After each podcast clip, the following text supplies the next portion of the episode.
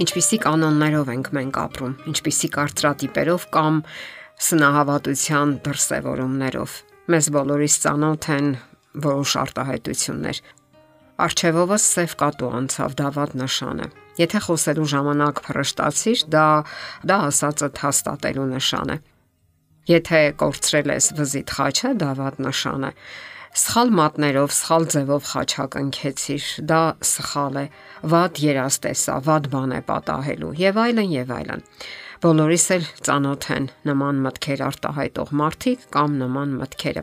Ասենք որ այս բոլորն իրականում ոչ մի կապ չունեն քրիստոնեական հավատի հետ։ Քրիստոնեության միակ եւ հուսալի ուղին Աստծո հետ ուղիղ եւ անմիջական կապն է։ Կապ չունեն նաեւ հավատքի այսպես կոչված միջնորդները կամ սուրբերը, ովքեր իբր թե կարող են բարեխոսել մեզ համար երկնքում։ Քանի դեռ կենթանի է մարդը, նա եւ ինքը կարող է աղոթել իր համար, եւ թե իր համար կարող են աղոթել։ Մահացած մարդու համար այլևս անիմաստ են բարեխոսական աղոթքները, որովհետև նա այլևս ոչինչ չի գիտակցում եւ ննջած է նա կարտնանա միայն հարության ժամանակ, որpիսի ընդունի իր վերջնական դատավճիռը։ Երբ Քրիստոսը քայլում էր Երուսաղեմի փողոցներով, նրա դեմ անընդհատ դավեր էին նյութում։ Փարիսեցիներն ու դպիրները միայն այն մասին էին մտածում, թե ինչպես ծուղակը գցեն Հիսուս Քրիստոսին, որովհետև նա ճշմարիտ ուսմունք էր ուսուցանում եւ ցույց էր տալիս Աստծո արքայության ճանապարհը։ Իսկ զատկի տոնի ժամանակ նրան սպասում էին, որ տեսնեն, թե ինչ սխալներ է թույլ տալու, սակայն քանի որ նա չեկավ այդ տոնին, այդ մարդիկ իրենք գնացին նրա մոտ։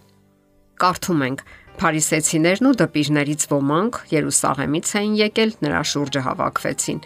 Իսկ ինչպիսի հարցեր էին նրանց հետ ակրկրում։ Աստծո մասին, փրկության մասին եւ որ զարմանալի է օրենքի եւ ավանդությունների մասին։ Առիթն այն էր, որ Հիսուսն ու իր աշակերտները չէին պահում ավանդական կամ ծիսական օրենքները։ Ծիսային օրենքները խորհրդանիշն էին սпасվող Մեսիայի կամ Քրիստոսի, ով արդեն եկել էր եւ հետեւաբար այլևս կարիք չկար կատարելու այդ ծիսային օրենքները։ Ենթադրվում էր, որ ծիսային կանոններն ու ավանդությունները կոչված են նպաստելու Աստծո բարոյական օրենքը 10 պատվիրանները պահելուն, սակայն տեղի էր ունեցել ճիշտ հակառակը՝ ավանդությունը ճնշել եւ մարդկանց հայացքից ու աչքերից հեռացրել էր 10 պատվիրանները, այսինքն Աստծո իրական օրենքը։ Եթե նրանց միջև կասկածելի կամ վիճահարույց հարցեր էին առաջանում, նրանք նախապատվությունը տալիս էին ռաբիների ավանդույթներին, իսկ դրանք այնքան շատ էին, որ մեկ մարդկային կյանքը բավական չէր դրանք հիշելու եւ կատարելու համար։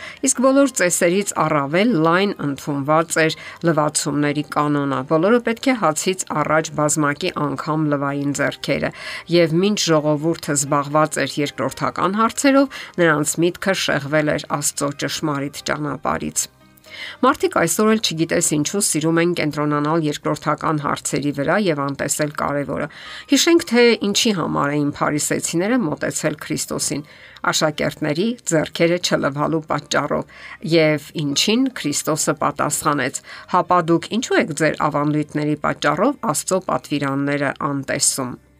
Այդպես է նաև այսօր, երբ մեկը ցանկանում է բարի գործ անել, միշտ հայտնվում են մարդիկ, որոնք սկսում են կասկածել նրա բարի դիտավորություններին եւ սկսում են երկրորդական հարցերով նրան շեղել գլխավորից, որ նա եսասեր է, փառասեր է, ազատվում է պետական հարկերից, որ գործերով փրկություն չկա եւ այլն եւ այլն։ Ահա թե ինչու Աստծո ճշմարիտ զավակներին պետք է այսպիսի հարցեր հուզեն։ Ունեմ արդյոք փրկարար հավատք Աստծո որդու հանդեպ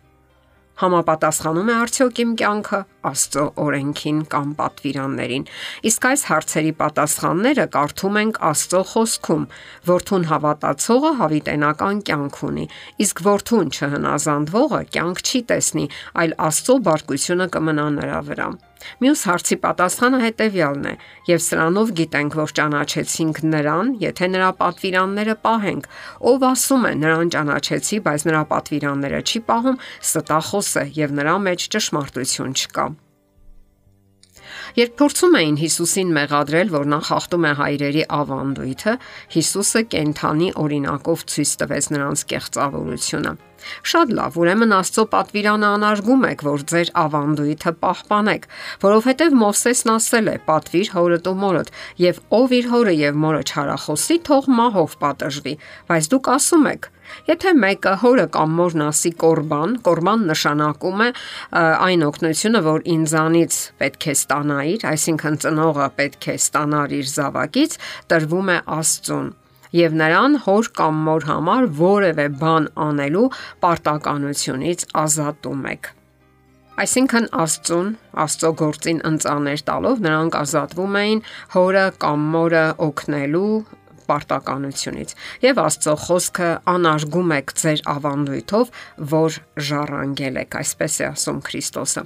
Ահա այստեղ է թաքնված մարդկային կեղծավորությունը Երբ մարդը չի պահում Աստծո խոսքի པարս հրահանգներն ու պատվիրանները, սակայն հետևում է կեղծ մարդկային հորինովի արժեքներին, որոնց զգալի մասը Աստվածաշնչյան հիմք անգամ չունի։